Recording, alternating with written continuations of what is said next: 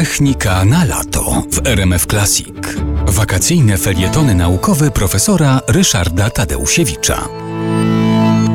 Omawiając różnego rodzaju metody, techniki, elementy tego, co nazwałem archipelagiem sztucznej inteligencji, spotykamy ludzi, odnajdujemy konkretnych twórców, którzy te metody i te, te techniki rozwijali i tworzyli. Są to w przeważającej większości Amerykanie, jakkolwiek cała sztuczna inteligencja, przypomnę to jeszcze raz, zaczęła się od Brytyjczyka, dlatego że człowiekiem, który w ogóle wymyślił, że coś takiego jak sztuczna inteligencja może istnieć, to był Alan Turing, matematyk brytyjski, który zresztą był postacią tragiczną, zakończył życie samobójstwem. Alan Turing wymyślił sztuczną inteligencję jako pewnego rodzaju bardzo obszerny taki zakres metod i technik, w których komputery mogą naśladować inteligentne zachowania człowieka.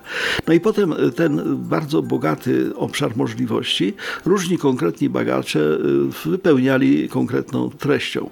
Są wiadome osiągnięcia McKellocha z zakresu przetwarzania języka naturalnego są określone sukcesy Rosenblata, jeżeli chodzi o sieci neuronowe. Można by wymieniać wiele nazwisk. Natomiast między innymi Lofty Zadech tutaj się zasłużył jako twórca zbiorów rozmytych, takich przypominających rozumowanie człowieka.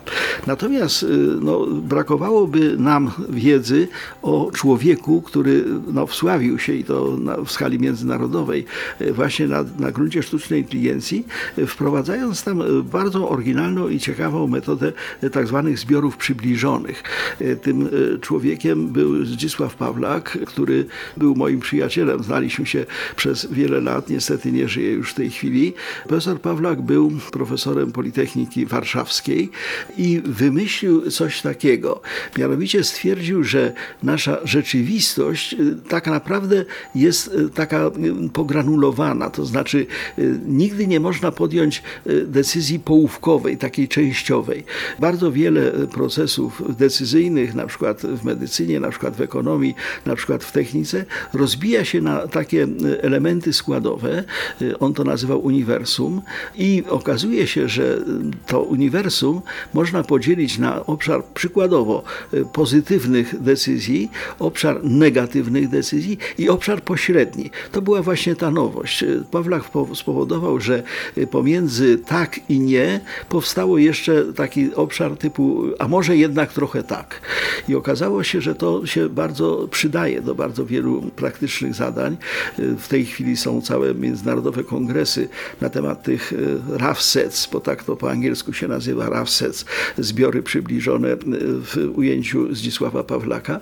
I muszę powiedzieć, że no, osobiście jestem też no, konsumentem tych efektów, bo kilku kilku moich doktorantów rozwiązało naprawdę no, niebanalne problemy, właśnie wykorzystując zbiory przybliżone Pawlaka. A więc mówiąc o twórcach sztucznej inteligencji, nie zapominajmy o Poraku, który także się tutaj bardzo zasłużył.